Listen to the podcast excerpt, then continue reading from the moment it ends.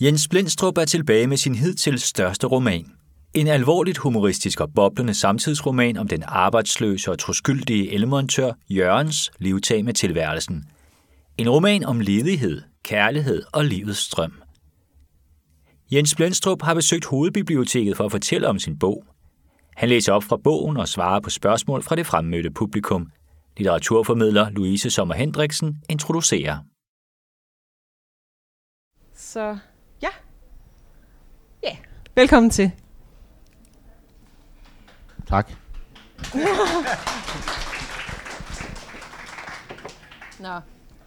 Øhm, vi havde talt lidt om, sådan i, øh, på forhånd, at vi ikke, øh, vi ikke gider så mange sådan spørgsmål, spørgsmål. Det bliver mere sådan en, øh, en samtale. Vi, øh, vi sidder bare sådan og, og tager det stille og roligt og prøver at få, få Jørgen, Jørgen Usse. Prøv, at- prøv at male ham frem på en Ja. eller anden måde. Ikke? Ja, sådan, De må egentlig også godt stille spørgsmål undervejs, må de ikke det? jo, det er jo, hvis de har lyst. Det må de godt. Altså ikke mens jeg læser, men Øhm, og der kan jeg også sige som lille serviceinfo, at vi, øh, vi optager øh, det her øh, arrangement, til, øh, som så bliver udgivet som podcast øh, på Hovedbibliotekets hjemmeside. Øhm, så hvis I stiller et, øh, et spørgsmål, så kan det godt være, at, at jeg gentager spørgsmålet øh, ind i mikrofonen for simpelthen at få optagelsen med. særligt hvis de har dårlige stemmer, så bliver de klippet ud. Ja, ja, ja, det er rigtigt. Vi må censurere publikum. Øhm, nej, men velkommen, velkommen til Hovedbiblioteket. Øh, Tusind Jens. tak.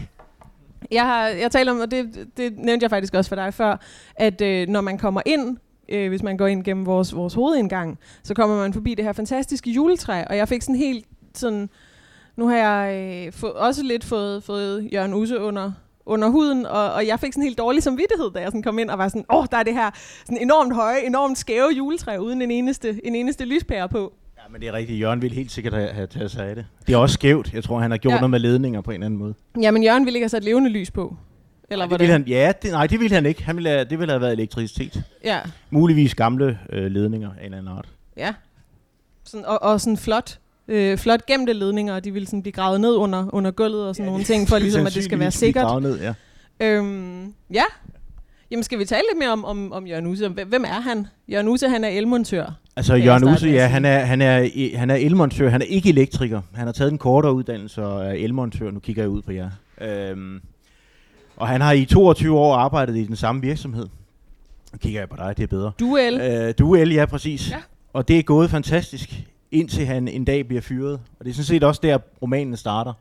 Den handler om hans fantastiske arbejdsløshed. Og undervejs bliver han jo også et mere og mere erotisk menneske. Ja. Øhm, det, og muligvis bliver han også så erotisk, at øh, hans kone bliver lidt træt af hans erotiske væsen.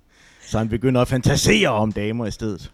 Jamen, det, ej, det gør han da også lidt, inden hun er, er nået at blive helt træt af Ja, ham. men det er rigtigt. Og jeg ved heller ikke, om hun bliver helt træt af ham. Altså, det er jo, det er jo kun, når han laver du og selv kanin, ikke? Men Ja, det er det jo, er rigtigt. Øh, så vi laver også en lille spoiler alert. Øh, hvis ikke I har læst bogen, så kommer I nok på en eller anden måde til at kunne regne lidt ud, hvad den handler om, ud fra nogle, nogle ting, vi siger, som, som Jens forhåbentlig også vil læse op. mm.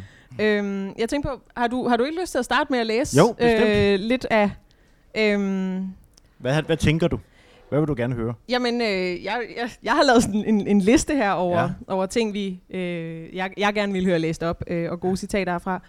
Øh, jeg tænker der på side, side 9, Ja. er det, tror jeg, det er helt op fra, fra toppen, Okay. øh, hvor Anita...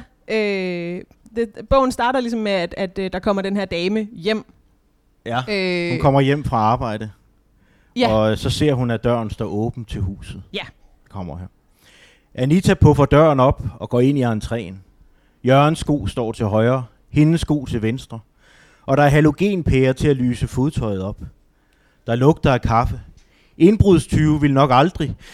Øh, skal de finde? Indbrudstyve vil nok aldrig lave kaffe. Alligevel må hun kæmpe for at klare sin stemme. Det er som om, der er hasper på hendes hals. Men så slår hun det hen.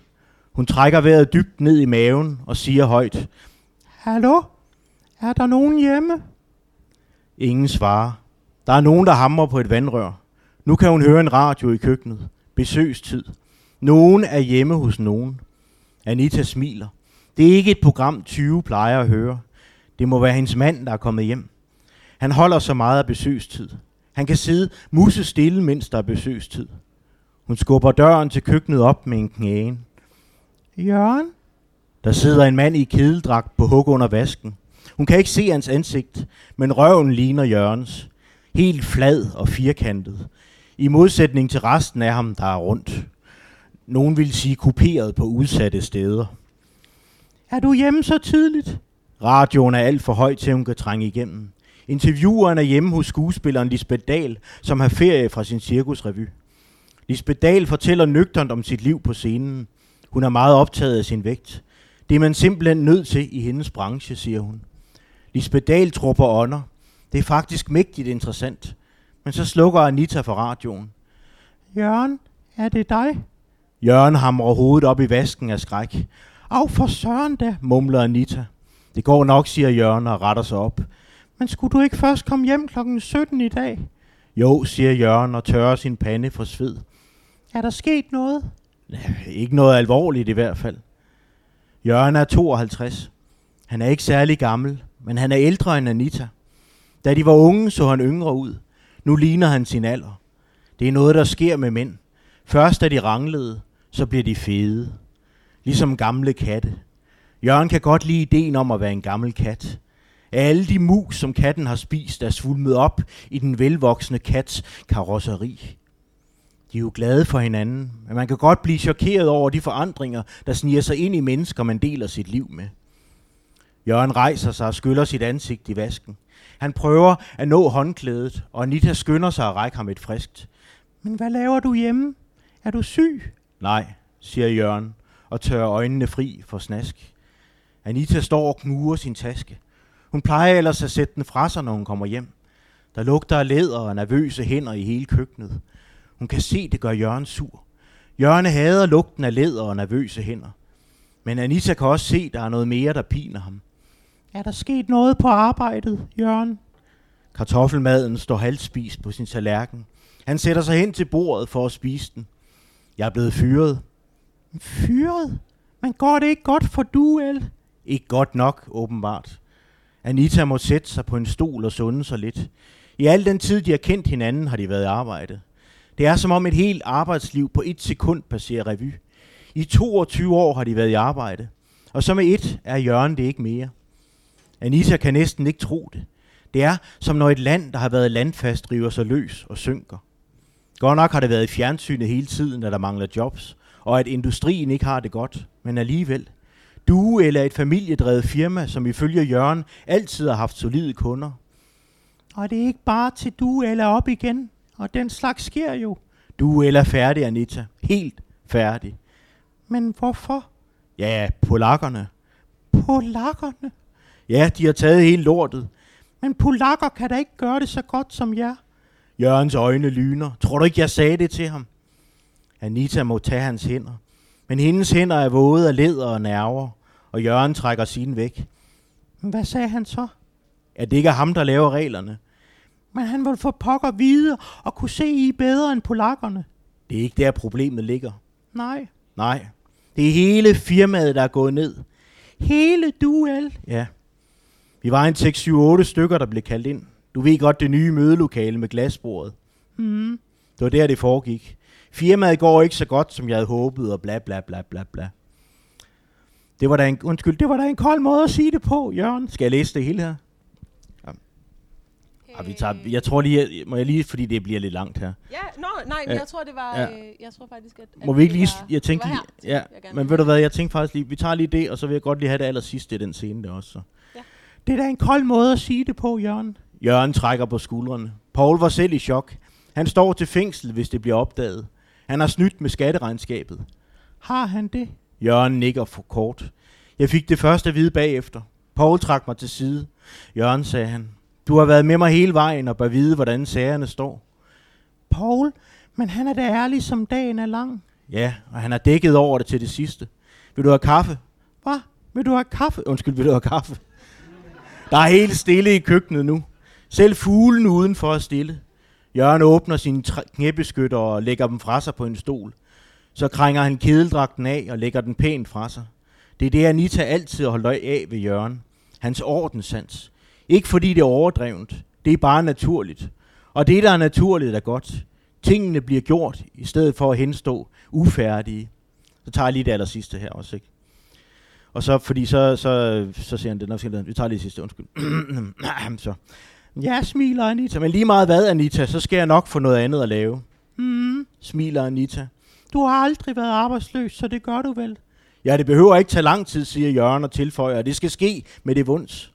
Det sidste siger Jørgen med eftertryk. Der har været så mange udsendelser i fjernsynet om mennesker, der ikke evner arbejdsløsheden. Åh, Jørgen, kom her, siger Anita. Og denne gang får hun fat på ham. Det er dejligt at kramme.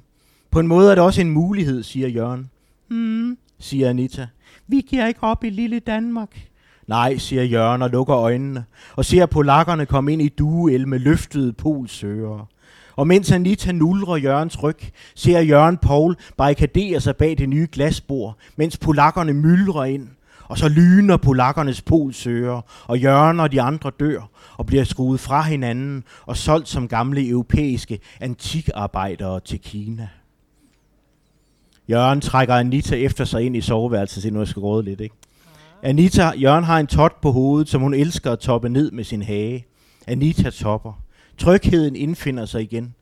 Sket er sket. Kom her, skat. Jørgen trækker Anita efter sig ind i soveværelset. Lyset kan dæmpes på en drejekontakt. Det er smart. Der er halogenpære under og over sengen. Det er noget, Jørgen går op i. Fritidspartypære. Elskovslandingslys. Bagefter ligger de længe i halvmørket. Kroppen er varme af sex. Ud af Anita triller Jørgens lem. Det må være sådan stålvalseværket lukkede. Først var det stort, så blev det lille, og så trillede det ud af samfundet med et svup. Ja, det var lige sgu med det sidste. Der. Ja.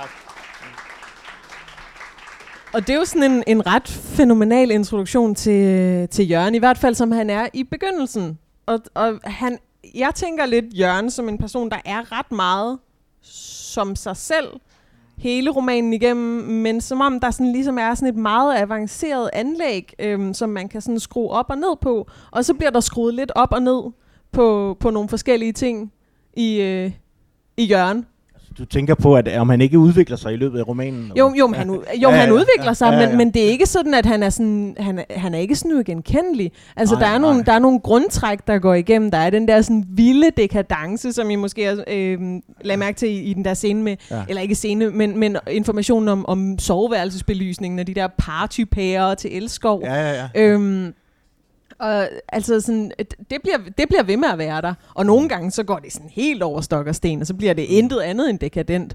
Mm. Og, og andre gange, så bliver, så bliver også sådan den del sådan dæmpet en lille smule, mm. og så er der nogen, der prøver at tvinge ham til at dæmpe det, og så raser han lidt ud over det. Men det er rigtigt. Men, men man kan jo sige på en eller anden måde, at det er jo, det er jo meget interessant, det der med arbejdsløsheden øh, for ham, måske også for alle mennesker, det ved jeg ikke, men når man kommer i en form for undtagelsestilstand, så vågner noget andet. Og Jørgen har måske undertrykt den erotiske side i, i de 22 år, han har arbejdet. Han har været for træt til at udvikle sig som menneske. Ja. det kommer så der. Ja, ja og, det, og det, det kommer voldsomt. Altså, øh, erotikken er jo er helt vild ja. gennem romanen. Ja. Øh, og nogle gange er den er den meget sådan erotisk-erotisk, og mm. andre gange så er den virkelig bizar. Ja. Og så kører den også nogle gange sådan lidt på autopilot, hvor man er sådan, okay, nu, nu ved man, nu, nu kommer der til at ske et eller andet. Det her, det, nu får ja. han en, en fantasi, eller nu har han en eller anden drøm, hvor, hvor han hvor han øh, møder nogle kvinder, eller sådan, hver gang man, han møder en kvinde, så er man sådan, okay, nu kommer der et eller andet begær. Det er sådan ja, ja. ligesom om, der Men det er, er også den der hjørne. Oprindeligt, oprindeligt, altså det er jo en bog, jeg har skrevet på i virkeligheden, on-off i 15 år, ej 10 år, ikke? det bliver længere og længere tid, ikke? Men, men i starten, der var, den jo, der, der var det jo poesi. Altså det var dengang, jeg var med i øverste kirurgiske tidsskrift på Diakonisestiftelsen, Og der, der var det planen, at det skulle være, ja, det skulle være en digtsamling. Og, og så nærmest kun, at selve skildringen af Jørgen skulle være minimal, og det skulle ellers bare handle om de her erotiske byer. Så det har fyldt meget, meget mere. Altså, og der ligger, der ligger bjerge af erotiske byer, som ikke kom med. Det er måske meget godt, siger min redaktør. Så, men, altså. men, men sådan er det jo nogle gange. Ikke? Altså, så ja. pludselig bliver det episk. Ikke? Ja. Jo, jeg lagde sådan mærke til, når jeg læste nogle af de der erotiske passager, mm. at jeg blev meget sådan, jeg blev meget fascineret af Jørgen. Jeg var sådan, mm. det var dog en besønderlig fantasi. Mm-hmm. Der sådan, Altså, fordi så har han så har han fantasier om, så er han i IKEA, og så har han sådan erotiske fantasier, hvor hans, hans øh, han møder det her, alle de her IKEA-kvinder, og han synes, at, at Anita, da han så vågner og rører ved hende, det her levende menneske af kød, er blevet hans kone gennem mange år, som han jo elsker og, og holder vældig meget af, hvilket vi også kunne se. Hun ligger der ved siden af ham, og så rører han ved hende, og så synes han, at han kan mærke en knagerække. Og sådan. Ja, men det er jo fordi, han kommer lige fra IKEA-riget, ikke? Det er, jo, det er jo klart, ikke? Så han ligesom ser han hende som et, som et samlesæt. Men, det, ja. men Det gør vi er jo nogle gange også mennesker, jeg ved ikke. Nej. Nej, nej, ligheden er, der er ikke, der er ikke så meget selvbiografisk i den her, nej.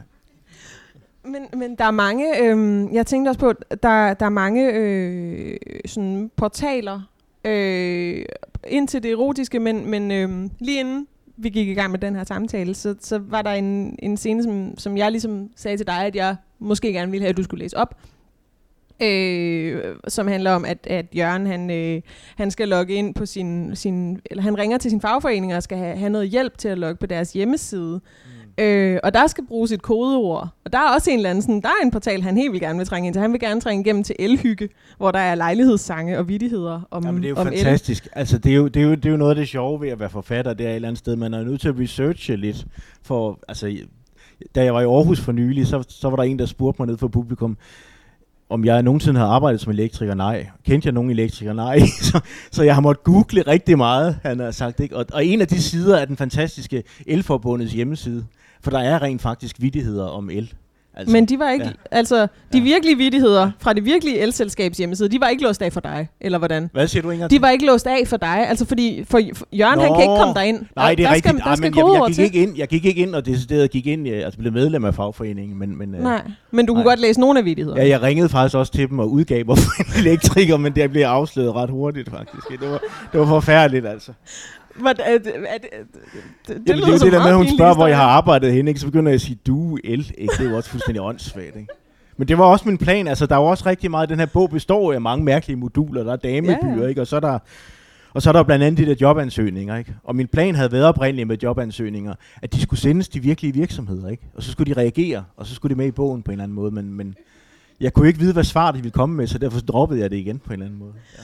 Men, og, men, men der er alligevel noget, du- har alligevel sådan en forklædningsscene med i bogen, hvor John udgiver sig for at være polak. Ja, ja Jørgen, Som- undskyld. Det, nå, Ja. undskyld, John. Ja. Ja. Jørgen. Ja, ja, han er jo, den, den er jo Jamen, grusomt det er rigtigt. pinlig. Det er den faktisk. Jamen, det er jo fordi, altså det er jo senere i bogen, men det skal vi nok ikke komme så meget ind på, fordi så skal man nok have læst bogen et eller andet sted. Ikke? Men, men han kan jo ikke komme tilbage i den der virksomhed, men til sidst finder ud ud af, at han måske kan blive genansat, hvis han, hvis han møder op som polak. Og så går han ned i Folkekirkens nødhjælp og, og, og får noget tøj, som han mener må være polsk på en eller anden måde. Ja, han er Ja. meget, er det ikke Ja. der, hvor han er meget, øh, hun tilbyder ham, eller hun siger sådan, han kommer ind og vil have det her tøj, og, og Mm. han har en lang diskussion med, med damen derinde om, om, hvorvidt en cardigan eller en pullover er, er mere østrisk eller, eller polsk. Ja, polsk, ja. ja.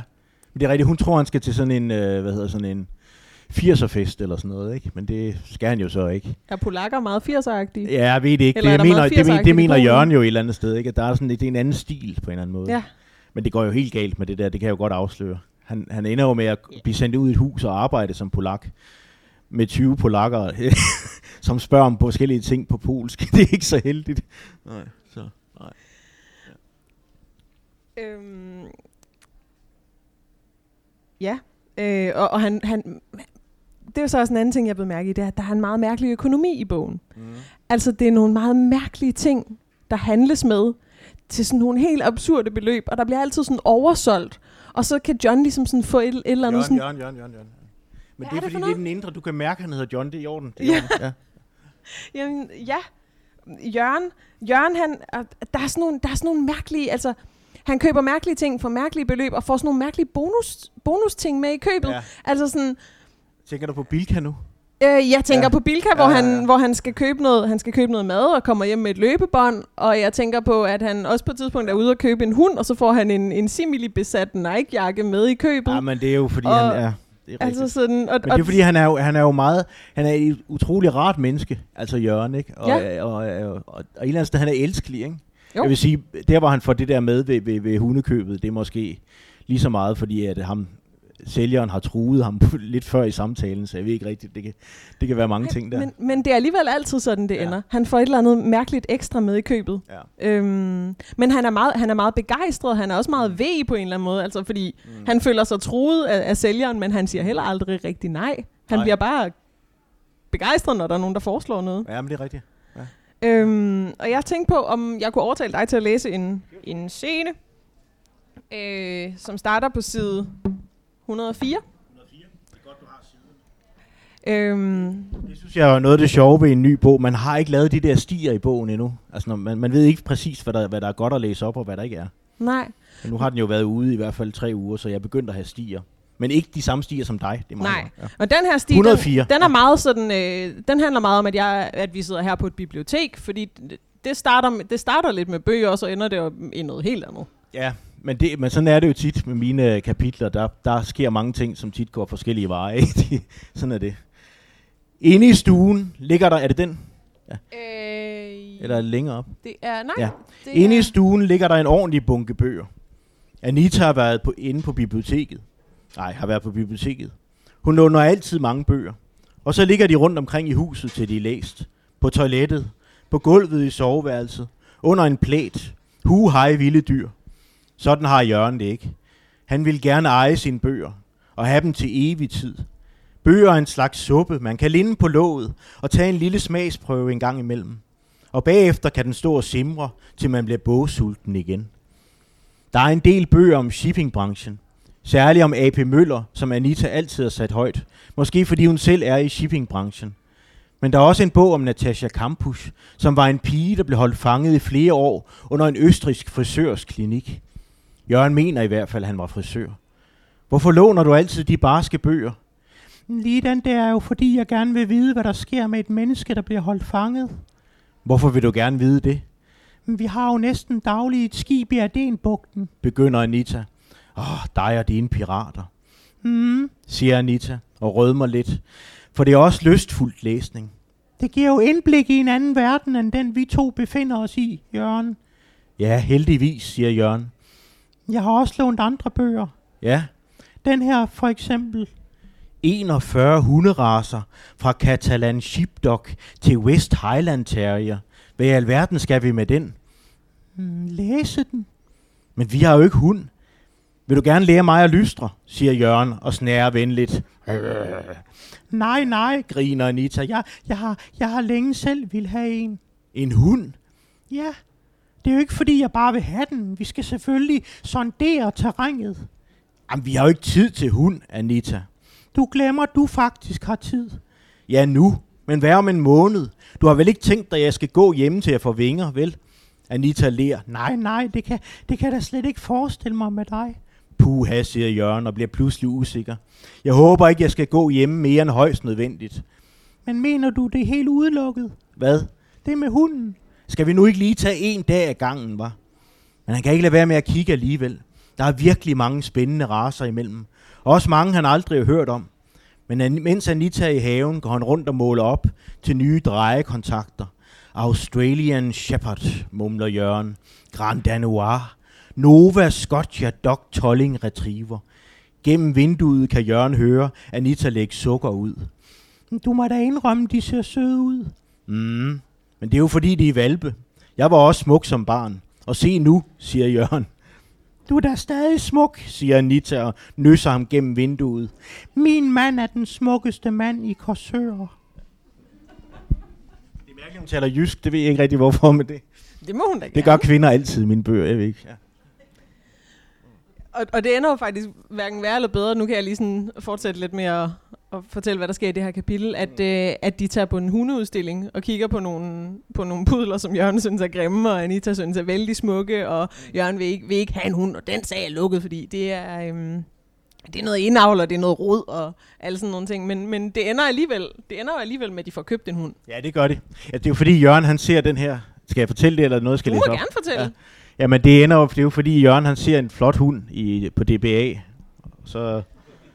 Ja, men altså, det er jo forfærdeligt. Jamen, så tager han jo ud og, og, og henter hunden. Den skal jeg næsten læse op, den scene også, tror jeg. hva'? Ja, Skal jeg ikke det? det, det må Hvad er det for en scene? Den, den har det jeg er næsten faktisk sjovere at læse op, end det er. Jeg har at ikke fortælle. skrevet ned, øh, Nej. hvor den er, Nej. faktisk. Det har jeg heller ikke. Nå. Jeg skal lige finde den. Jeg skal lige finde. Uh, jeg skal lige se, om jeg kan finde den. Den kommer nok et eller andet sted. Uh, jo, der kommer det. Ja. Ej, jeg fandt det hurtigt. Men, sådan. Jeg sad på bogmessen på et tidspunkt og skulle læse op. Der gik et kvarter, mens jeg ledte efter en side. Så var det slut. Nå. Nå. Han køber hunden over DBA. Det er en ret ung kvinde og hendes lige så unge kæreste, der har den. Jørgen plejer at gøre sit hjemmearbejde grundigt, men i dag kan han bare mærke, det er det rigtige. Vi er bare et ung par... Nu taler jeg ikke ligesom Anita. Vi er bare et ung par, der sælger hunde, siger pigen i telefonen. Jeg er ikke et ondt ord om det, siger Jørgen. Halløjse, råber han, da han har fået googlet adressen. Flakkebjerg. Jeg vidste ikke, der var et kavaliers i vores område. Jørgen spørger, om valpen er salgsklar. Det siger pigen, de er. Men så kommer jeg i morgen, hvis det passer jer. En mandestemme mumler i baggrunden. Øh.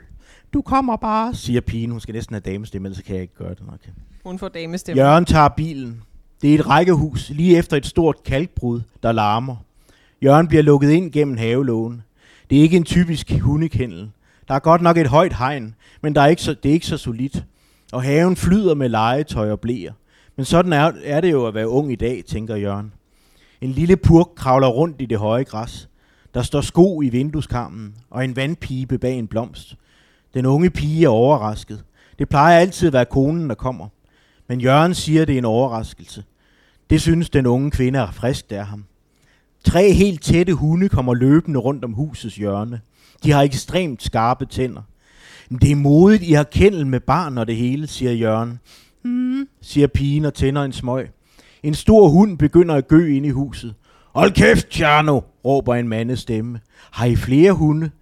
Ja, men det er så den her, der er din, siger pigen. Den der, siger Jørgen, men den ligner da ikke en kavalier. Pigen smil bider sig i læben, og en mand kommer frem i den åbne dør. Han klør sig i en helt frisk vikingetatovering på overarmen. Det blev sgu en anden race, du, siger manden.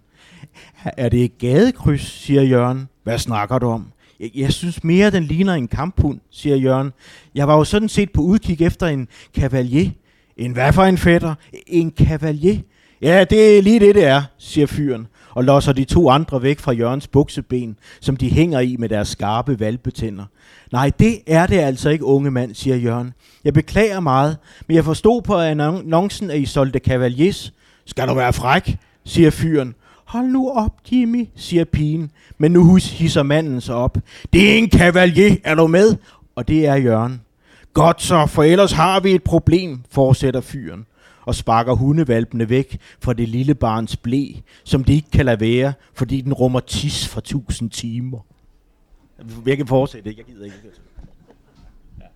Men det er en Socialrealisme, ja. Ja, socialrealisme på sådan en eller anden mærkelig form for syretrip, ikke? Jamen, social rygerlisme, skal vi ikke kalde det. Så rygertæppe-agtigt, tror jeg. Jo, sådan, jo, jo. sådan lidt, lidt rygertæppe-agtigt. Men det er nok rigtigt. Altså, det er jo en mærkelig blanding, ikke? Men det er jo, fordi jeg vil jo godt skildre det er jo en samtidsroman, ikke? og der skal jo ligesom være noget virkelighed ind over. Øh, så det groteske øh, kommer mere i Jørgens fantasier, vil jeg sige. Ikke? Men, men, men virkeligheden er jo også grotesk et eller andet sted. Så, ja. ja, jeg tænkte, der er mange, der er mange sådan sjove genrer mm. i, din, ja. i din roman. Altså, det, er mm. sådan, det er som om, der er sådan... Øh, på en eller anden måde, så er der de her sådan meget klassiske, altså hvis man sådan tager stereotypen om et eller andet, stereotypen om den der sådan 70'er arbejderroman, eller mm. stereotypen mm. om øh, børne, børne-tv, de store koryfæer, de store klassikere, alle de der, øh, sådan, eller sådan alle mulige forskellige afstikker, der er lejligheds, lejlighedssange og, og vidighedstyperne, der er manden, der, går, der langsomt går i hundene, men der er, der er sådan et fuldstændig sådan gakket og, og, og syret, øh, de er pakket ind i sådan, sådan meget, meget gakket tæppe, på en ja, eller anden måde. Men det er jo, det, det er jo jeg, jeg, jeg synes måske det også, det, det, var, det var svært at gøre det anderledes, fordi Jørgen er det her menneske. Altså han ser jo også verden skævt, ikke? Jo. Det gør jeg jo også som forfatter, ikke? Men, men, øh, men, men det er meget det der med, hvad det er for en karakter, der ligesom kommer til at fylde romanen, og, det, og Jørgens verden er et eller andet sted normal til syneladende, men, men hele tiden er der det her, den her prisme af, af galskab eller, eller vanvid ude i siden, ikke? Et eller andet sted. Ja. Øhm, ja. Jeg synes, jeg havde noget mere, jeg vil sige. Nu har jeg glemt det. Det er for sent. Nå. Chancen kommer aldrig igen. Ja, nu har du Det var et Nej, men i virkeligheden, jeg har altid været meget fascineret af, i virkeligheden, jeg ved godt, det er meget udskilt, den der 70'er litteratur, socialrealismen, ikke? Men, men jeg synes faktisk, der blev skrevet nogle rigtig gode bøger dengang, blandt andet af hende forfatteren, der hed Martha Christensen. Hun har lavet nogle virkelig fine bøger, skildringer af det lille menneske. Og også helt tilbage fra, hvad hed han, Mogens Klitgaard, der lavede, der sidder en mand i en sporvogn, altså som er lidt, den er, den er nok glemt for de fleste i dag, men den er helt fantastisk skildring. Det var en af dine anbefalinger. Ja, Kan det ikke passe men det er også fordi, jeg har genlæst den igen, altså som voksen havde jeg sagt. Ikke? Og det er, det er en fantastisk bog, altså. Jeg synes noget af det, der var, var helt vildt øh, charmerende ved, ved Jørgen, midt i den her sådan, social, øh, socialrealisme, øh, groteske hybrid, øh, at han, han er den lille mand, men han er også den lille begejstrede mand. Øh, og han har en eller anden, han har sådan en øh, kærlighed til, til de ting, han ser, og, og de ting, han gør, og de mennesker, han møder. Og det ender med, at, at der i Jørgen også både i Jørgen og i Jørgens hverdag opstår sådan et museum af, af ting og minder, som Ja. han sådan ligesom samler sammen fra alle de der, altså fordi øh, ting, det- det ting faktisk- forsvinder ikke fra hans liv. Nej, det gør de ikke. Altså, det er jo meget interessant, det der med, altså, men det er måske også... Altså, han er jo et ekstremt nostalgisk menneske, ikke? Altså, et eller andet sted, hvis han kunne, så ville han, øh, øh, så skal, hvad skal man sige, flytte tiden tilbage til 1980'erne, ikke? Eller hvor han var ung. Og det gør han jo sådan set også, ikke? Han går sådan set, i bar, om ikke i barndom, så i ungdom efterhånden, som romanen skider frem. Skrider, skider frem. Øh, og ender også med at købe sig en krejler, som han kan huske, en af hans venner havde, da han var ung, ikke? Øh, Og maler den i en og farve, maler han kan i huske signalorange, sin- hvis der er nogen, der kan huske den farve. Den var ekstremt god, fordi at, øh, den samtidig indeholdt nogle fantastiske opløsningsmidler, opløsningsmidler øh, som kunne gøre en ekstremt skæv. Altså, ja, jeg kan huske, min storebror arbejdede med det på et vist tidspunkt. Men, øh, så holdt han op igen. Det var fornuftigt. Så du Ja, har... det er han nemlig, og det er jo, altså på den måde er det jo meget interessant også det der med, altså fordi han netop er så tilbageskuende, ikke? Altså der, der ligger jo også i bogen et eller andet sted en, øh, altså han, han ender jo næsten ude på, på, på fløjen, altså der til sidst med flygtningen, der kommer gående, ikke? Og hvor han næsten ender med, med, med at sige, kan I så komme væk, fordi vi vil have samfundet, som det var for 20 år siden, ikke? Altså så der er jo også en form for samfundskritik i bogen på en eller anden måde. Faren ved at, hvad skal man sige, ikke at, altså, at sige nej til udvikling, ikke? Mm. og forandring. Ja. Mm. Øh, ja, jeg tænkte på, om det var, om, om det sådan måske kunne være tid til, at vi skulle have et lille, Det kan et lille oplæsnings... Hvad, hvad, har, hvad har du lyst til at, at læse op? Jeg tænkte på, om, om vi skulle have... Øh, om vi skulle have drømmen om IKEA-damerne Det skal vi da. Men, fra side 97. 97. Ja. 97, 97. Det, det er der, hvor hele IKEA-scenen starter. det- Det er ikke bare drømmen. Så, så drømmen er vist et par sider længere henne. Ja, okay. Vi, det Jamen- kan vi måske springe over, men... Ja, men nu, nu tager vi lidt. Ikke? I kan godt klare lidt en, et par sider, ikke? Jo, okay. Da Anita kommer hjem fra arbejde, sidder Jørgen i sofaen og er salig. Han har lige haft en fantasi, hvor han var sendebud fra CIA. Ikke nogen voldsom fantasi. En enlig mor i Nashville, Tennessee, fandt ham, da han var ved at installere et overvågningsudstyr under hendes bagdel. Det er utroligt så liderlig, man bliver af at gå hjemme. Man sidder hele tiden yderst på stolen og er liderlig. Jørgen var aldrig liderlig, da han var hos Duel. Men der sad han også, som en po- der sad han også med en polsøger i hænderne hele tiden. Der er forskel på drift i arbejdstid og drift i det tomme rum, hvor Jørgen ikke har noget, han skal nå. Det er så mærkeligt pludselig af tid. Jørgen ser ud over et Atlanterhav af tid. Ved du hvad, Anita, siger han? Jeg synes, vi skal tage i IKEA. Det er Jørgens initiativ. Han har så meget virkelyst. Der skal ske noget på hjemmefronten. Det kan godt være, at der ikke er noget job lige nu, men huset skal fandme ikke mangle noget. De går tæt sammenslynget, som mennesker, der søger ly i hinanden mod regnvejr. Der er nu intet regnvejr i IKEA, kun højt til loftet. Anita føler en lyst og en glæde ved sin mand, som hun ikke har følt den i mange år. Jørgen opfører sig frægt og vildt og finder hele tiden på ting. Gode ting, praktiske ting. Er det ikke huset, er det haven. Og er det ikke haven, er det afløbet i bryggerset, der lige mangler en finish. Ikea lugter af samlesæt og trælim og kødboller. Anita ler af en ser gut, der går forbi. En enlig mand tydeligvis. Forvildet går han rundt og trykker på Ikeas ting. I sit stille sind er Anita glad for, at hun valgte Jørgen i sin tid. Da de mødtes, virkede han så ung. Men han var aldrig uplejet som fyren her. Anita er ikke stolt af sine tanker. Men der er en stille fryd i at gå med sin selvsikre mand, og så passerer et esbeløv af et ensomt menneske. Her går vi, og der går du. Hvorfor fik du der ikke en kone? Anita mærker på sig selv. Hun er stadig helt midt af formiddagens samlejer.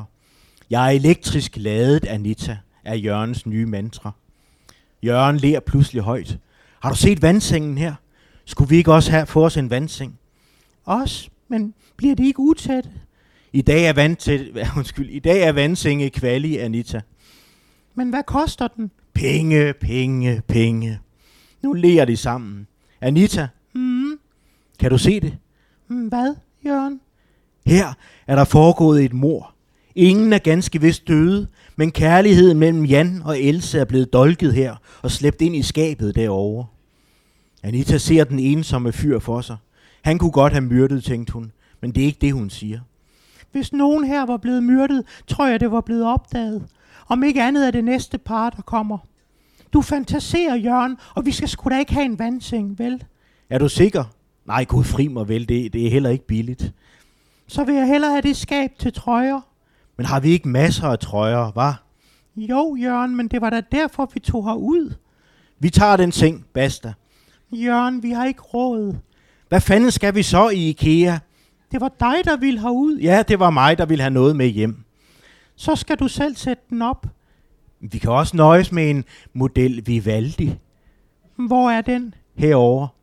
Det er en flot hvid metalseng. Klart mere i Anitas smag. Jørgen trækker Anita med over. Der er et lille forhæng, som man kan trække for, så man kan mærke stemningen i miljøet. Jørgen puffer Anita ned i det duftende sengelindet og kysser hende på halsen og hendes skulder. Fy, Jørgen, fy. Et andet par trækker hurtigt næsen til sig. Anita vil op, men Jørgen siger, at det ikke gør noget, man er der. Der er en flot mørk reol bag væggen, og nederst en særlig hylde til Ikeas eget fjernsynssystem. Jørgen trykker på en knap, og de ser en dejlig svensk pige løbe over en mark i en helt hvid kjole. Så sætter pigen filmen på filmen sig ned og puster en mælkebøtte tom for frø. Hun har en ranke af gule blomster i håret, da hun sætter sig på en gammeldags malkestol, model Ulla. Den her seng, Anita. Ja, jeg er enig, men hvad koster den? 14.500 uden lameller. Ej, der står 1450. det er jo ingenting i forhold til vandsengen. Nej, det er jo ingenting i forhold til vandsengen. Anita smyger benet op om Jørgens mave og trækker sig op. Nu har jeg dig. Nej, nu har jeg dig. Ja, griner Jørgen, og så i IKEA. Vi skal lige have drømme med os. Ja, ja. Det er den, om natten drømmer Jørgen den mærkeligste drøm. Han drømmer, at han er gået ind i et af Ikeas hus- og bomiljøer. Og der er ingen andre derinde. Han drømmer, han sætter sig i en gul IKEA-øreklapstol og tænder sin cigar. Og pludselig mærker han nogle fremmede hænder under sig, der langsomt kommer op og griber ham om maven. Det er et par buttede kvindearme, og på lillefingeren har hun en seddel, hvor der står Gunbrit på. I drømmen er Jørgen bange, men nu rækker en anden kvindearm op og begynder at æge ham på kinden. Pludselig skyder IKEA-rummet til side og afslører en lang, en lang grusti, hvor der står møbler, der er i blomst og helt forårsagtige og solide. På markerne omkring ham vandrer pige efter pige. Den ene dejligere end den anden. Og på alle kvinderne sidder der en seddel, hvor der står Elise og Hylta Fors og Lutte. Hvor er jeg, hører Jørgen sig selv sige. I IKEA-damernes land. Hvor er det? I den verden, du også rummer. Men jeg har kun min egen verden, siger Jørgen. Ja, men uden den, udenom den findes der tusindvis af andre verdener. Men hvem bor der? Her bor damerne, der ikke har nogen mænd. Vil de sige, I uden mænd? Nej, for nu har vi jo fået besøg af Akke. I tager fejl, jeg hedder ikke Akke, jeg hedder Jørgen. I IKEA-damernes land hedder mænd Arke eller Torkild. Du kan selv vælge, men du skal naturligvis være nøgen samtidig. Nøgen? Der er vist en, der skal hjælpe, siger en kommodeagtig dame, der hedder Ylva. Nu skal du kravle ind i Ylvas skuffer, siger damerne Emmy, Ruta i Solda af Ravnborg. Og så kravler Jørgen ned i de dejlige bløde skuffer, som Ylva åbner og lukker mange gange, mens hun griner voldsomt vulgært. Det er et sært sted, siger Jørgen, da han bagefter går hånd i hånd med et sengemiljø bestående af 12 skånske modeller af sofabord fabriksfremstillede. Kom nu ned med os, ned til Hår med, ved vores falske skovsø. Dernede er der dejligt, siger Jørgen. Jorden duver, fordi den er en vandseng ved navn Kornfibla. Da han har gjort sin pligt, for han lov at hvile sit hoved på Vigtis mave. Den larmer ikke af mavelyde, men af fjerne, fjerne boremaskiner og lavmælte af fra satan. For håndværkere, der langt, langt borte sætter modellerne op i deres huse. Hvor er I søde? Mm, hvem? siger Anita halvt i søvne. Ikea-damerne, siger Jørgen. Mm, hvem? siger Anita, nu mere vågen. Åh, jeg drømte bare, jeg var i Ikea og købte den vandseng, du ved nok. Han siger ikke noget om damerne, han traf. Men da han lidt senere fører en hånd ned til Anitas mis, synes han et øjeblik, han mærker knagerækker og reoler på sin kones eller ellers fuldendte krop. Jeg elsker dig, Jørgen, visker Anita. Jeg elsker også dig. Du er en ægte tofsviva. En hvad? En hvad? En klænglilja. Du taler svensk, gør jeg. Ah, det er jo nok, fordi jeg er træt. Sov godt i lige måde.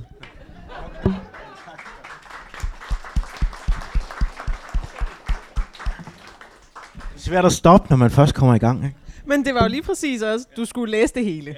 Den drøm er jo, er jo fantastisk. Og, og den er sådan en, en sjov, sådan erotiseret version af, hvad vi på en eller anden måde alle sammen tænker, når vi er i IKEA. Ja, men, Altså det, er, sådan- men det er jo, er det ikke også, altså jeg synes virkelig, det er mærkelige navne, de finder på til de Det der. er fantastisk. Og Ja. man kan bare gå der. Altså sådan, jeg har det sådan, når jeg er i IKEA. Ja. At det er som om tiden bare står stille, og man går bare i et landskab af ting, som man bare helt vil gerne vil vide, hvad hedder. ja, det er faktisk meget interessant, at de har navne alle sammen. Ja. Og det, jeg synes egentlig også, at jeg synes faktisk også, de er gode til at lave miljøerne. Ikke? Det er jo som om, man træder ind i stuer. Ikke? Jo, jo, og det bliver endnu bedre, når man Ja. ja. så sådan, altså, jeg synes også, IKEA-kataloger er jo nærmest sådan romaner, man kan sidde og læse i, fordi mm. så kigger man på en stue, og så tænker, så, så skaber det nogle billeder, så tænker man sådan, nå, men her bor nok, øhm, nå, men det kan man se, det er sådan til de til den studerende med pladsmangel, eller det her det er til storfamilien, eller det her det er, til, det er jo godt til sommerhuset. Og så kan man sådan gå og have nogle forestillinger om, Nå, men hvem er det, der bor der, og kunne jeg bo sådan, og nej, det kunne jeg nok ikke, fordi jeg er sådan og sådan, og det her er sådan og sådan. Og så når man ned til at læse de der produktbeskrivelser og priser, og så er det bare sådan noget... Ja. Men det kunne være så fantastisk at flytte ind navne. i IKEA Ja, på en eller anden måde og bo der. Ikke? jo, Så kunne man bare flytte udstilling en gang i døgnet, så de ikke lagde mærke til en. Ikke? Det er rigtigt. Er der ikke nogen, der har gjort det egentlig? Det kunne der være. Jo, der var sgu engang. For nylig har der faktisk været to unge, som havde gemt sig derinde, og så overnattede i IKEA en nat, faktisk. Og Så blev de afslået dagen efter, fordi der stak nogle fødder ud fra, fra en seng. Ikke? Men det er ret fantastisk. Ja, det er det. Ja. IKEA Tostrup var det. Ja. IKEA. Okay, så kan man leve af, Mm. af shirtbuller. Var det ikke, kunne Jørgen og og Anita finde på det? Og overnatte i IKEA i Tostrup? Det er sgu svært at sige. Altså, Jørgen ville jo meget gerne, fordi så kunne han ligesom lave noget el. Der er jo rigtig meget, der skal op og hænge, ikke? Men øh, jeg ved det ikke rigtigt. Det sker jo ikke i hvert fald. Jeg har ikke skrevet det. Nej, okay. Det kan være, ellers man kan, Ja. man kan digte sig til det. Ja. Øhm, jeg tænkte også på, fordi det der, du, nu har du lige sagt, åh, han, han vil jo altid lave noget el, Jørgen. Mm. Og, og det vil han jo, og han, han laver el alle mulige mærkelige steder, og han, han, sender nogle, han sender nogle jobansøgninger, han vil rigtig gerne have, have arbejde. Øhm, og han er ligesom kommet med i den her sådan, klub i Elforbundet, hvor de er ude og høre en musical med Stig Rossen, og de ser nogle film, og det, det er sådan, det er nogle øh, meget sådan, øh, øh lidt, lidt pussy ting, de laver. Sådan, Ja, men det er jo lidt, altså det er jo, han begynder at komme i det der elforbund, ikke? Altså det er jo også, og der, har, der er der så en meget geschæftig, eller hvad hedder sådan noget, kreativ øh, elmutter, som de kalder hende, ikke? Som, som øh, står for det praktiske med deres A-kasser og alt muligt. Og hun inviterer dem med over at se forskellige kulturelle oplevelser. Det er vigtigt, når man er arbejdsløs. Og blandt andet inviterer hun også med til Aarhus, fordi de skal se en forestilling med Stig Rossen, ikke? Som er kaptajn på et skib, ikke? Det, er- det er frygteligt for. Det er musical, ikke? Altså. Altså, Og jeg Jørgen bliver skide sur over det, fordi at, hvorfor, hvorfor, hvorfor de i stedet for ligesom at føre samtale på scenen, så synger de hver eneste sætning, ikke? Det, det er jo frygteligt. Det kender I godt med musicals, ikke? Alt kan, alt kan blive til sang, ikke? men det er jo så også meget sjovt, for der er en fyr i den her elbande, Mm. som skriver lejlighedssangen til Ja, alt. Kim kunne han ikke, jamen, kunne han ikke Ja. skrive en elmusical Jo, med Stig Rossen? det kunne være fantastisk. Altså, Vil du skrive en elmusical til Stig Rossen? Det kunne fandme være sjovt. Men jeg, jeg, ved ikke, om med jeg, jeg ved ikke, om jeg tør være i rum med Stig Rossen, fordi jeg tror, han vil synge samtidig. Nej, men en måde. Ja. hvis du skriver den, så Ja. kan du bare... Du, nu, så Det kan kunne du være bare fantastisk. ringe til mig, og så skal Ja. jeg nok overlevere Ja. den. Jeg vil gerne give Stig Rossen et elmanuskript. Det, kunne, det kunne altså være sjovt. Altså en musical om el. Ja, Hvad skal den så, hvad skal den så hedde? St- stærkstrøm? Eller, Ah, okay, det hedder det. Der er meget, der hedder, ja. ja, et, et eller andet med... Altså, duel må jo også godt være Ja. med i det. Det kunne være fantastisk. Skulle hedde Duel. Ja. Og så skulle den vare fire timer. Ja, Ja. Og Ja, skulle ja, også det italiensk opera. Det kunne være helt ja, fantastisk. ja, præcis. præcis. Det er sådan, rigtig sådan med sådan nogle, øh, hvad hedder det, Brunhilde Ikea, Ikea-damer. Altså, jeg vil sige, den er, den er færdig om 15 år. Det, Ja, altså, jeg, Ja. jeg kan godt den dag. Det, øhm, du kan jeg godt. Jamen, det er godt. Ja, ja. Øhm, men, men nej, det, nu bliver det sådan lidt uelegant hop, men jeg tænkte Mm. sådan på, at, at øh, øh, han, han er meget sådan geskæftig, Jørgen, men han prøver også at søge nogle, nogle jobs. Ja, han søger og rigtig det gør mange han jobs. også gennem ja. hende her, øh, Elmutter. Hun, hun, og hun opfordrer ham til at skrive om på janteloven, og hun opfordrer ham til at lave et CV og, og, og få nogle anbefalinger. Ja. Og Jørgen henter nogle anbefalinger nogle meget sjove steder fra. Ja, ja, men det er jo det mærkelige, altså fordi han jo ligesom aldrig rigtig har prøvet at være arbejdsløs, så har han ikke rigtig fået lavet et CV.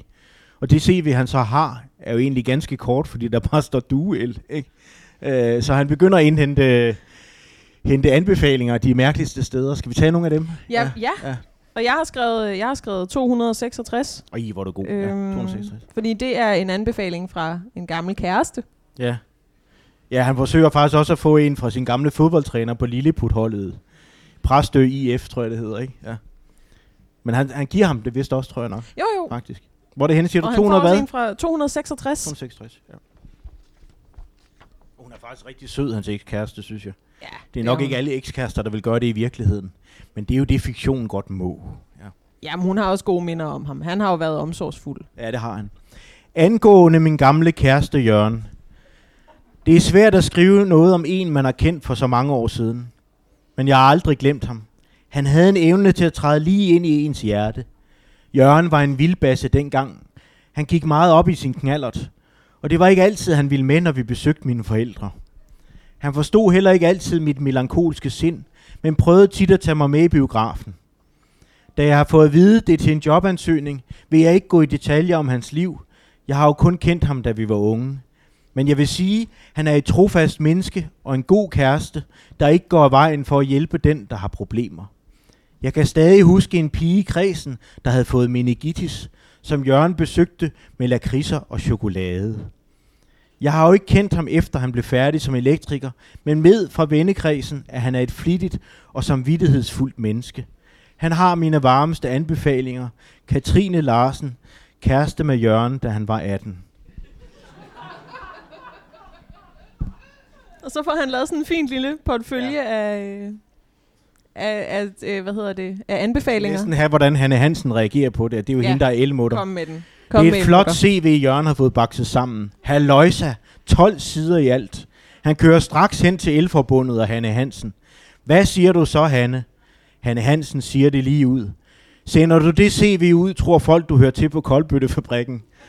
Og det siger jeg, fordi du godt ved, at jeg ikke mener, du hører til på Koldbøttefabrikken. Hvor hører jeg så til, Hanne? På arbejdsmarkedet, Jørgen. Men det kan godt være, at du skal være på et mindre sted. det er forfærdeligt. Hun, I starten mener hun jo, han er, altså han virkelig får arbejde meget hurtigt igen, ikke? Fordi han jo... Ja. Ja. Og det, det ønsker man på en eller anden måde også, men samtidig så tog jeg også mig selv i lidt at ønske, at, at Jørgen ikke fik arbejde igen lige forløbig, Ja. fordi der var, han er også, han er jo meget interessant som arbejdsløs. Ja, det er han. Altså, det, jeg, det vil jeg sige, for deres ægteskab havde det nok været godt, han fik arbejde, men han bliver jo mere og mere... Han bliver mere og mere surreal, ikke? Altså, verden, verden øh, vælter. Ja.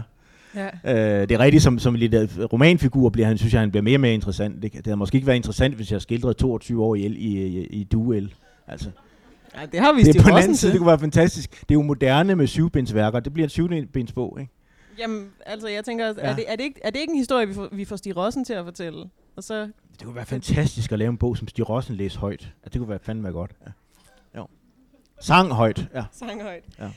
Øhm, Ej, jeg har ikke lovet, jeg har faktisk ikke lovet mit forlag en fortsættelse. Altså, lige først, da jeg afleverede den jo, og, og, og min redaktør spurgte, hvad, det, hvad, hvad bogen hed, så sagde jeg jo 50 Shades of Jørgen. Og så tænkte de jo, så skulle den jo, ville den jo sælge 80.000 eksemplarer, ikke? Men øh, nu har han læst den her, den her bog, og så sagde han, det er fint, den slutter med etteren. Det, Ej, det har han ikke sagt. Det tænker jeg, han siger. Ja. Ja. Men altså, ja. ja. Øhm. Og nu, nu kigger jeg jo sådan lidt på mit ur og tænker, over tiden går. Hvordan, altså, vil I kunne klare en... Fordi jeg vil helt vildt gerne høre øh, en, en oplæsning mere, og jeg vil faktisk rigtig gerne høre historien om, om den her øh, fantastiske Black Sabbath øh, koncert. Meget gerne, og jeg er, glad for det, jeg er glad for, det er den, du vil høre, fordi jeg har, jeg har lige tilbragt 20 dage med at læse bogen ind med damestemmer, og jeg er helt vildt slidt med min stemme. Ja. Og mit forlag havde nedlagt forbud mod damestemmer, men der er kommet 1000 med, det er fedt. det er jo fantastisk. Ja. Øhm, det er også, i øvrigt, Så glad jeg til lydbogen. Og hvis der er nogen, der undrer jer over, hvorfor, hvorfor øh, der er så meget øh, vand og ingefærsodavand og sådan kaffe på scenen, så er det fordi, jeg fik sådan udtrykkeligt en mail fra dig om, at du gerne ville have sådan to flasker vand, fordi der skulle, være, rigtigt. der skulle være damestemmer. Ja. Jeg har faktisk lige været på et gymnasie, hvor, hvor, hvor de havde været så optaget af at give mig vand, så de havde hentet 20 flasker. Så, og ham der, ham, der havde arrangeret mig, sagde, drik nu for sagen, drik, det skal jo drikkes, ikke? Ja. så det blev hele bogen fra Anitas perspektiv. Hvad er vi ude på? Jamen, og, øh, og, og nu er jeg jo nødt til at sige til dig, at, at du må måske skære lidt i, i den her del af det, som, okay. som, som det passer dig, fordi det er et ret langt stykke. Ja. Men øh, det starter øverst på side 377. Ja. Åh ja, det er, jo, det er jo fordi, at Jørgen, kan man, man kan jo sige, at det der sker også, efter han bliver arbejdsløs, det er, at han pludselig får kontakt med sin nabo. Ja, Massen. Altså Massen, som er øh, en fantastisk fyr som blandt andet har sejlet med Fulton i sin tid. Først så ja. havde han massen, fordi ja. og ham og Anita havde massen, kan jeg stå og sige, mens du, mens du finder stedet. Ja. Øhm, fordi massen tissede i sin have, øh, og var øh, vanvittigt rodet, og var, havde alt muligt til at ligge og flyde, og han havde en søn, som en gang imellem kom hjem, og som øh, han bare råbte af, altså sådan råbte virkelig grimme, grimme ting efter. Ja. Men det er jo fordi, han mener, at han skal opdrage ham efter Fulton-metoden. Altså hvis der er nogen, der kan huske det skib. Ja. Øh, men det er rigtigt. Men, men så sker der jo et eller andet med, at, at da Jørgen bliver arbejdsløs. Ja, Jørgen varmer ja. op over for massen, og massen varmer op over for Jørgen, men Anita, hun varmer ikke rigtig op. Nej. over for massen. Men det er jo også fordi, at, at, at, at massen varmer så godt op, at de også begynder, hvad skal man sige, have en fællesskab, eller begynder at hygge sig med øl, altså ja. når de mødes. Og det er ikke altid, koner er så glade for det. Nej, og Anita, hun bliver nej. faktisk så ikke glad, at hun øh, flytter lidt hjem til til sin søster. Ja. Er det søsteren eller moren? Det er søsteren, hun det er flytter søsteren. hjem til. Ja, det er Dorte. Øhm, ja. Og så er Jørgen alene hjemme og har købt en knallert og bliver inviteret til Black Sabbath-koncert af massen. Øh, ja, i den og det er bare lige. helt fantastisk. Ja. Sådan, faktisk hele, hele historien fra ende til anden. Ja, øhm, men, men der er mange sider, så du ja, må lige... Øh, men jeg synes både, vi skal have det med, og så skibet skal, her til sidst. Vi, vi, tager, vi starter bare, ikke? Ja. Vi starter bare. Der er proppet foran forum. Folk på Jørgens alder med sortmalede øjne og lederbånd om håndledene. Der er også unge mennesker, men de er som regel i selskab med deres far. Kvinderne er godt i stand med leopardbukser, sort læbestift og hele, der sparker røv, som massen siger. Hold øje med Ossi, når han kommer ind, råber han taler ikke jysk, undskyld. Hold, jo, hold øje med Ossi, når han kommer ind, råber massen. Ikke Lommi, han er en vatpik, men Ossi, se nu kommer han. Koncerten starter med en 8 minutter lang udgave af Warpigs, og hele salen er ved at koge over i det røde lys, der siver fra alle lamper og røgmaskiner. Massen hyler og brøler og laver djævelens horn med lille og pegefingeren, ligesom tusindvis af andre. En skov af arme rejser sig og sænker sig rytmisk. Først er Jørgen lidt utryg med det hele, men så henter massen den første ramme med fad, og langsomt løster Jørgen op, indtil han begynder at rokke med benene. Ikke meget, men lidt, Pludselig er der en dame i stramt siddende hvide jeans, der vugger hen foran Jørgens elforbunds bukser. Jørgen ser fra damens ende til massen, der brøler og sluger sin fadøl, så Adams æblet vugger og gungrer. Underneath the war pigs calling, synger Ossi. Og det er et tight Black Sabbath, ikke set i mange år. Lommy har været ved at ødelægge det hele Ward, men Ward trommeslæren røg ud, men så kom Ossi tilbage, og nu er de kun de tre unge gutter tilbage. Men magien, Use, magien! Så kommer numrene Into the Void og Under the Sun. En sindssyg, magtfuld introduktion til et band, der om nogen indvarslede heavy rockens guldalder. Massen træner Jørgen i at rocke frem og tilbage med en luftgitar til musikken. Og snart står Jørgen som en ægte heavy elmand og drøner frem og tilbage til det fede nummer Sweet Leaf. Så er der pissetid, som massen siger. Regel nummer et. Gå aldrig fra din marker, mens der er Black Sabbath. Nej, siger Jørgen. De laver pissekuglekamp for fuglegardiner. Fire liter øl skal jo ud for fanden. I spejlet ser Jørgen to mænd i læder. Dit hentehår skal om bag ørerne, siger massen. Med mindre altså, du vil ligne noget virkelig sygt. Og så drejer han Jørgens totter væk, så han får en flot skaldet pande. De når lige tilbage til Dirty Woman og massens favorit, Children of the Grave. Også går helt amok, og nu må man sige, at damen i de hvide jeans gør sig til. Hun vil have dig, Use, sprøler massen. Hun er noget yngre end Jørgen. Hun smyger sig rundt og rundt om ham. Og selvfølgelig er det bare en leg. Men Jørgen føler alligevel sig en lille smule sexet. I am iron, synger Jørgen for fuld hals. Mens fadølene fosser ud og ned af hagen, ned på brystet, helt ned i de hvide underbukser. I am Iron Man, nobody wants him, he just stares at the world. Nobody wants him, they just turn their heads. Og så frem og tilbage med luftgitar. To 53-årige mænd. Damen langer hjørnet et voldsomt tungekys, og så er hun væk. Gone, som massen siger. Det er heavy. Pludselig ser Jørgen sin ungdom så klart, som han aldrig før har set den. Tigtræsbåndoptagerne, plakaterne med Susi Quattro, leopar- le, lærlamperne over bordet, campingslotte, den ene gang hun var der, udstyret med en gul sodavand, og det forsigtige smil, man har, når man er ung. Hessian på væggene, og øloplukkeren med pels. En fyr med fytobak er kommet op og toppes med en stor rockeragtig klippert. De hopper og danser, løfter deres arme og lader dem falde i usikre slag, indtil de forsvinder ud til højre, hvor et par udsmider får fat i dem og krammer dem nogenlunde til ro. Til sidst har også ikke meget stemmen tilbage, men det gør ikke noget, for publikum synger med. Og der er ikke et øje tørt, da de når til Masters of Reality, Sabotage og Sabbath Bloody Sabbath, hvor bandet ved hjælp af en blodmaskine langsomt bliver dækket af blodlignende rød maling. Sikke en koncert.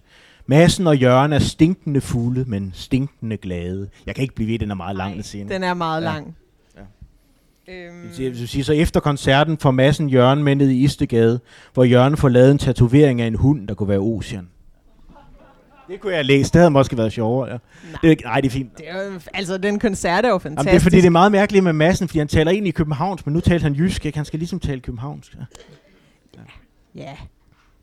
Øhm.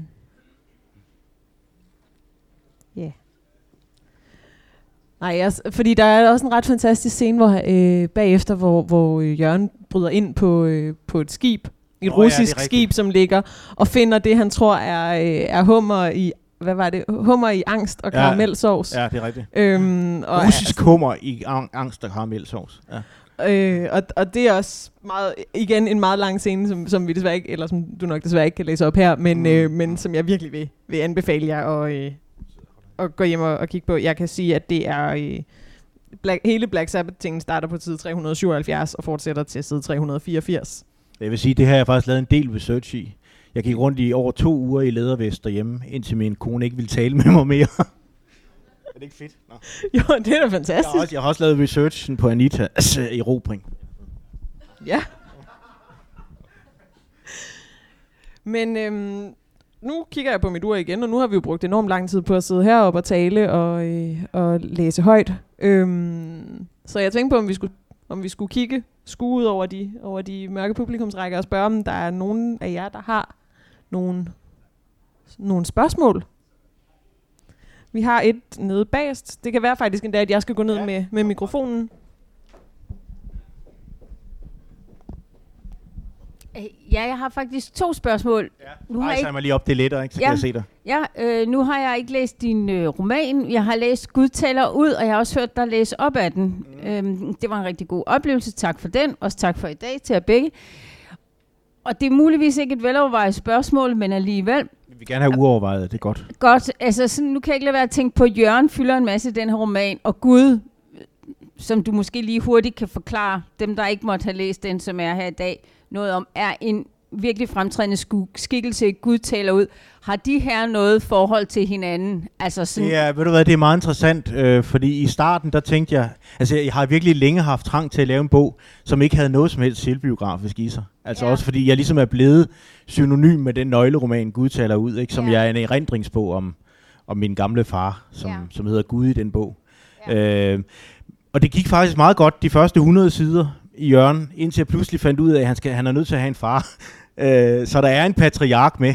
Han, er så, han sidder på plejehjem i den her bog, så han er ikke så fremtrædende, som, som han er i Gud taler ud.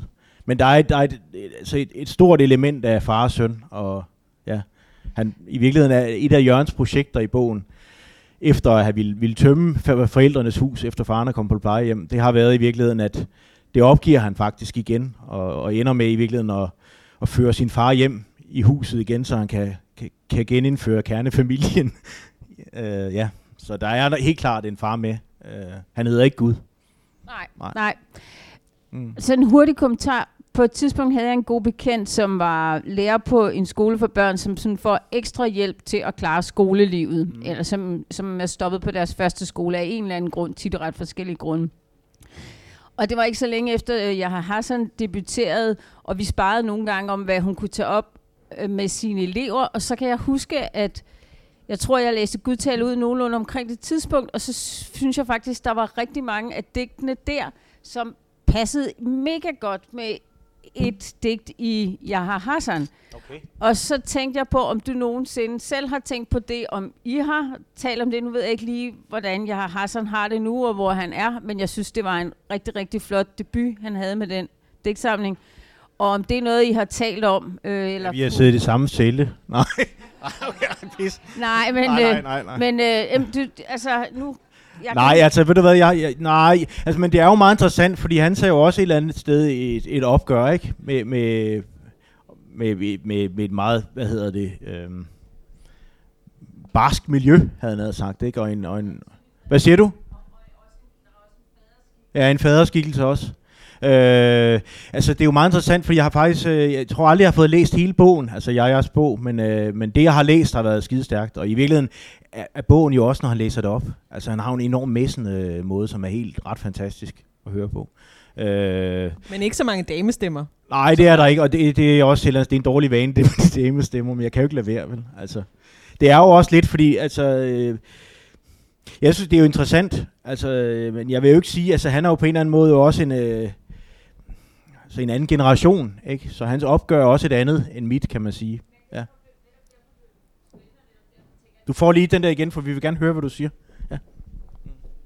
Altså netop derfor blev det spændende, ikke? Altså der er også Herlufsholm-faren over for øh, ghetto-baronen, eller sådan, ikke? Altså der var, det, jeg kan bare huske, at jeg sad der med din bog og hans digtsamling, og så satte sædler, så jeg fandt simpelthen sådan en række, nu husker jeg ikke længere, hvor mange digte hos jer hver, som på en eller anden måde tog samme tema op, og det var forbløffende let.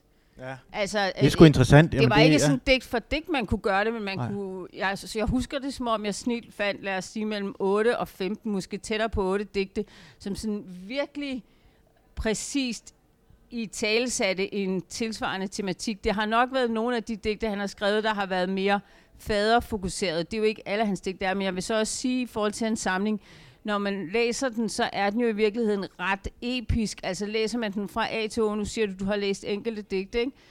øh, så er den jo også ret fortællende, ligesom Gud taler ud af, af det. Ja. Altså på den måde ligner de også hinanden. Men jeg, jeg kan blot opfordre dig til at gøre det på et tidspunkt, hvis du føler for det, og måske kan det jo være noget af det, der også kan inspirere ham i en, i en ny retning. Jeg synes, det kunne være Ja. mega sjovt, hvis I to var på gymnasier sammen, for eksempel, ja. eller skoler, og I sådan selv havde kigget på, om I synes, der var ligheder, og I så kunne læse de der digte op, som i alt tilfælde med mine øjne set var sådan ret, wow, det er fuldstændig Ja. samme tema det her, eller Ja. ja. temaer, der spiller godt op til hinanden.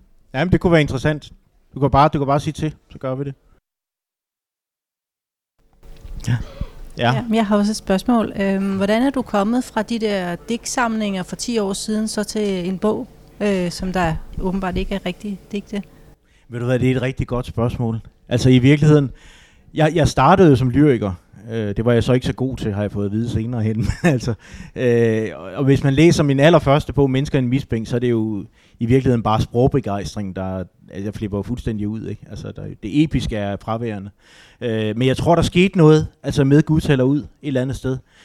I virkeligheden nok lidt før, jeg lavede en bog, øh, som hed Dame til fornuftige priser, øh, omkring 1999, som også er, er, er, er et portræt af et menneske med, med små bider, som så langt til sammen bliver bogen, han havde sagt. Ikke? Og det var i virkeligheden først efter mit møde med min, med min nuværende kone, altså min eneste kone, jeg har haft, ikke? Som, jeg, som jeg mødte i 99, som, som i virkeligheden gav mig mod til at sige, ved du Jens, du behøver ikke nøjes med at lave 10 sider, du kan lave en roman. Ikke? Så hvordan gør jeg det? Du skal bare blive ved med at skrive, ikke? så kommer det. Og sådan, sådan startede det i virkeligheden. Ikke? Og så er jeg jo nok blevet mere og mere altså episk med årene et eller andet sted. Ikke? Altså, men det er jo også, det er også nogle gange med materialet. Altså jeg kunne mærke den her bog om, øh, om, om den her elektriker, at den krævede et stort karosseri på en eller anden måde. Den skulle have en lang affyringsrampe. Ikke? Det er derfor, den er 425 sider. Ikke? Øh, jeg ved ikke, at men i dag falder det mig faktisk ret let at, at skrive øh, romaner.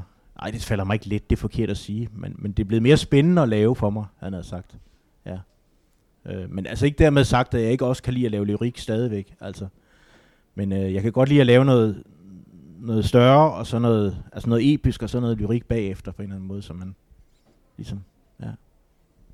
Men der er jo også mange, der siger, at jeg ikke er særlig god til at lave romaner, og så store romaner, men det er jo fuldstændig lige meget, ikke? Det er jo materialet, der ved det, ja. Og i virkeligheden var altså da jeg startede med Gud taler ud, altså den er jo i virkeligheden, den har været tre gange så lang. Ikke? Jeg har jo 200 tekster liggende op på loftet, som handlede meget mere om, øh, nu har du læst udtaler ud dernede, ikke? som handlede meget mere om min fars sygdom. Ikke? Øh, men da jeg så ligesom havde, var gået et halvt år, kunne jeg pludselig se, at hvis man skal have livskurven med, så skal man, så skal man lige så godt fjerne to tredjedele, og så, altså, så der er også meget, det fede ved så kort tekster der, det er, at man kan smide ud. Ikke? Det tager ikke så lang tid at skrive en ny. Øh, så det, det er faktisk mit råd, hvis man vil gå fra lyrik til epik. Ja. Mm. ja.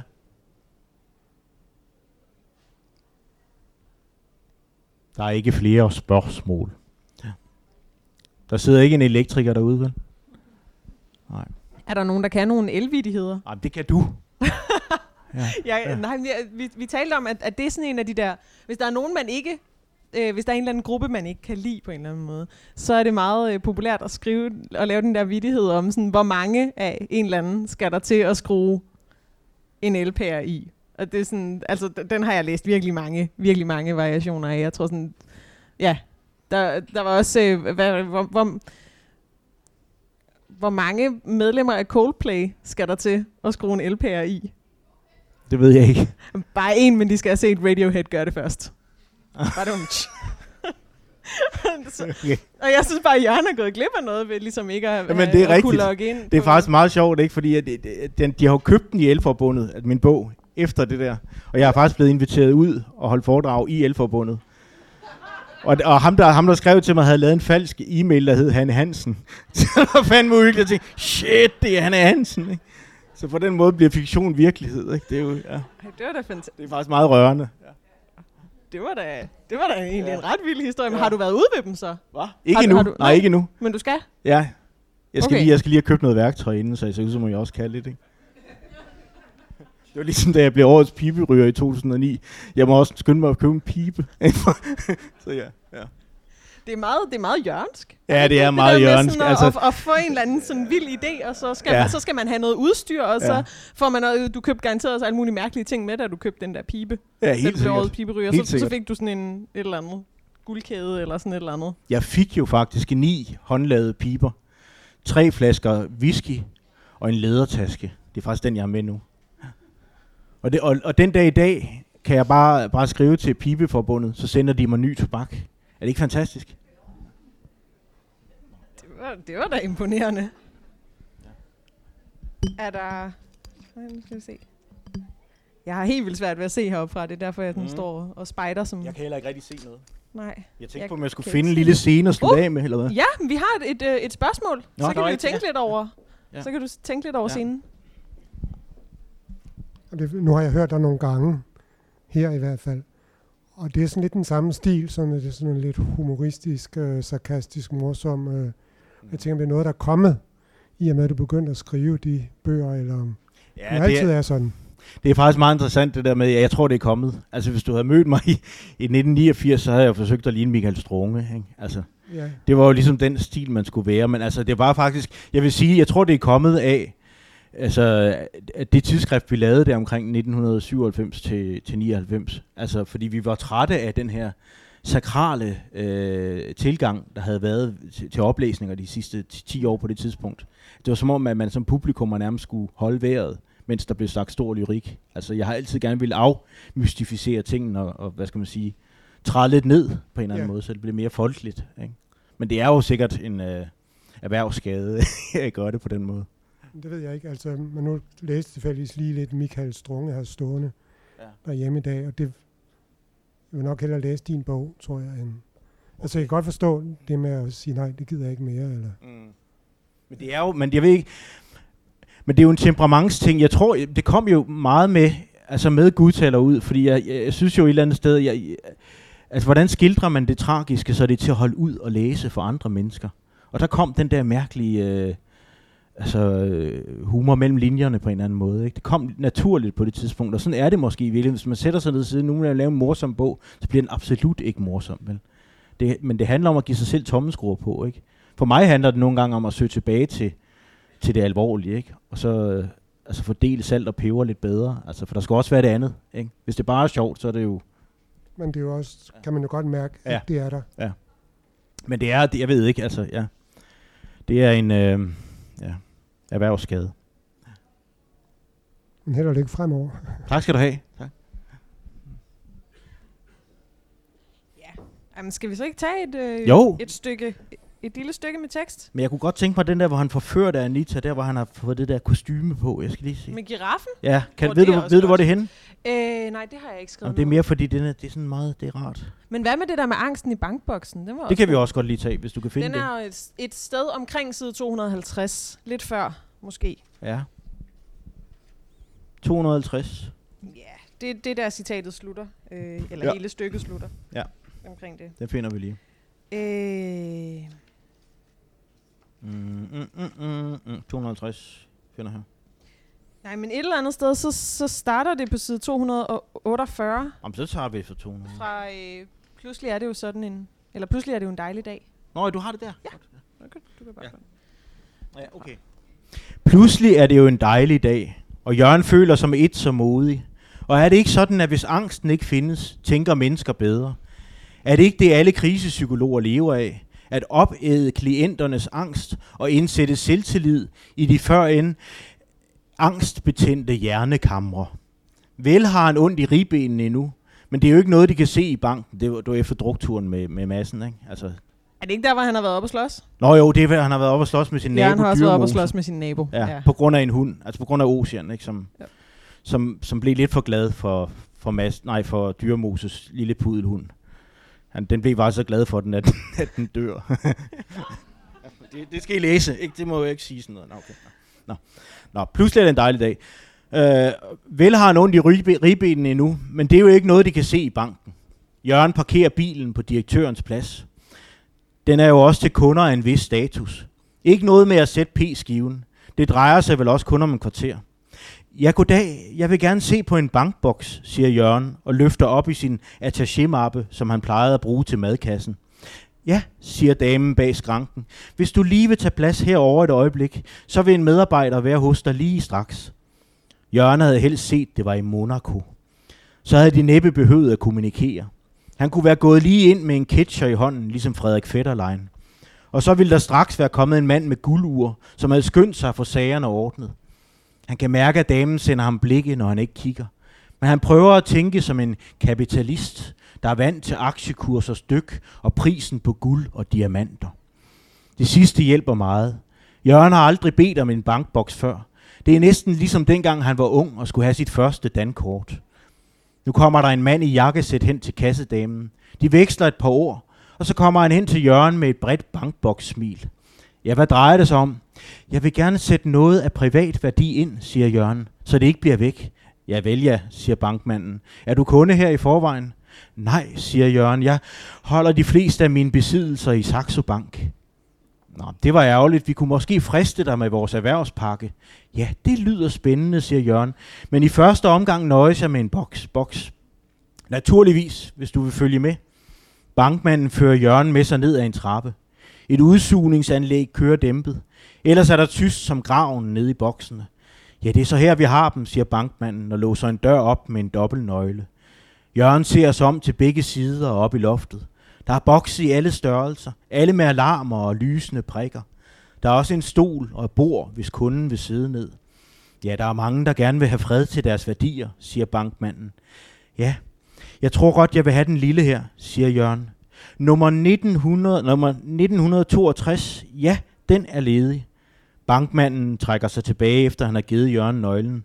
Du trykker bare på knappen der, når du vil ud.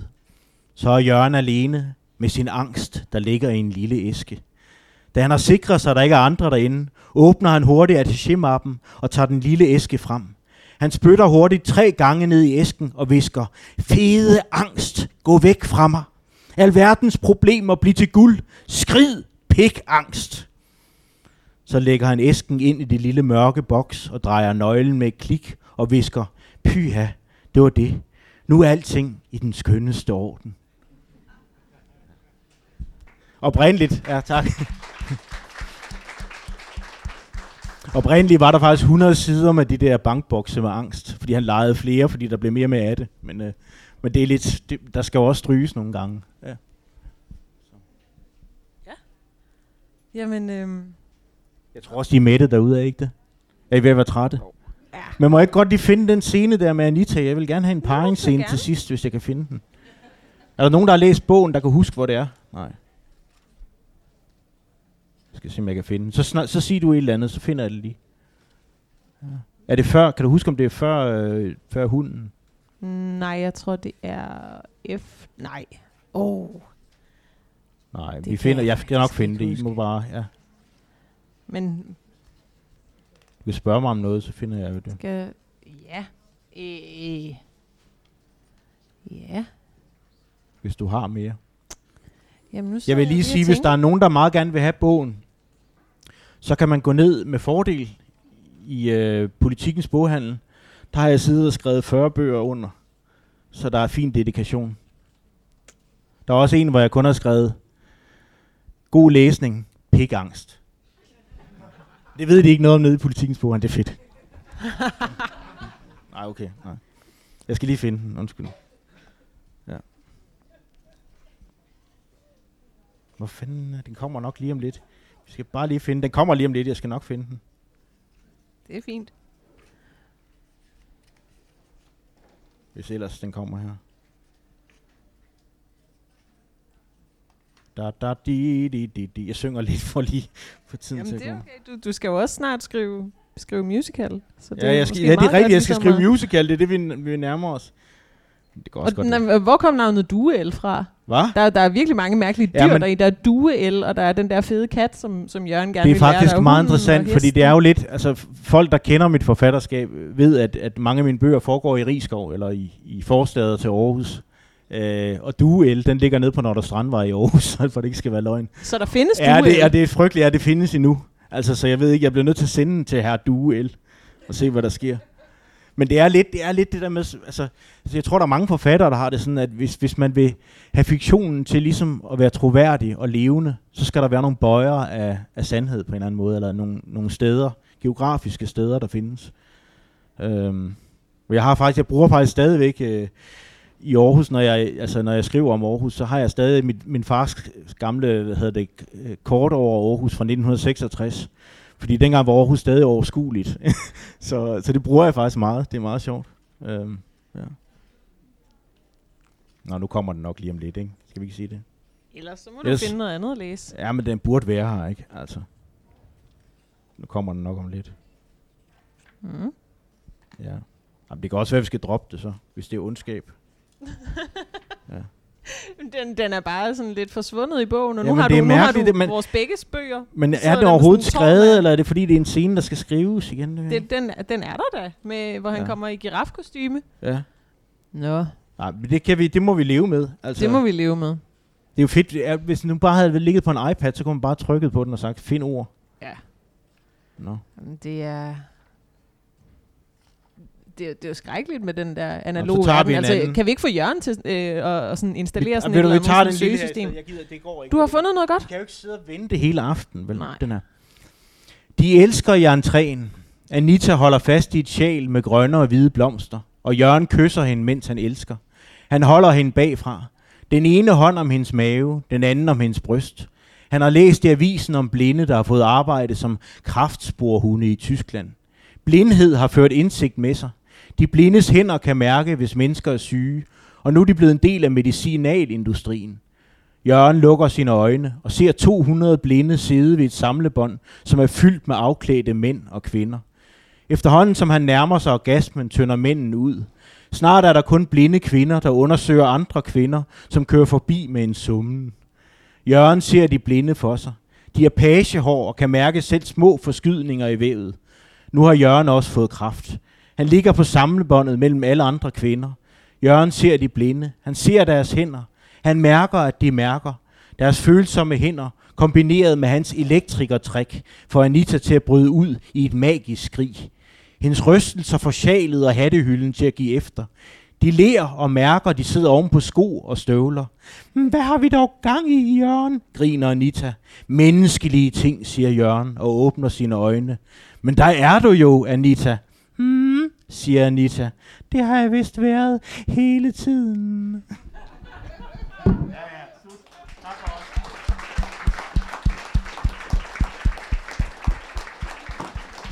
Tusind tak, og tak fordi I kom.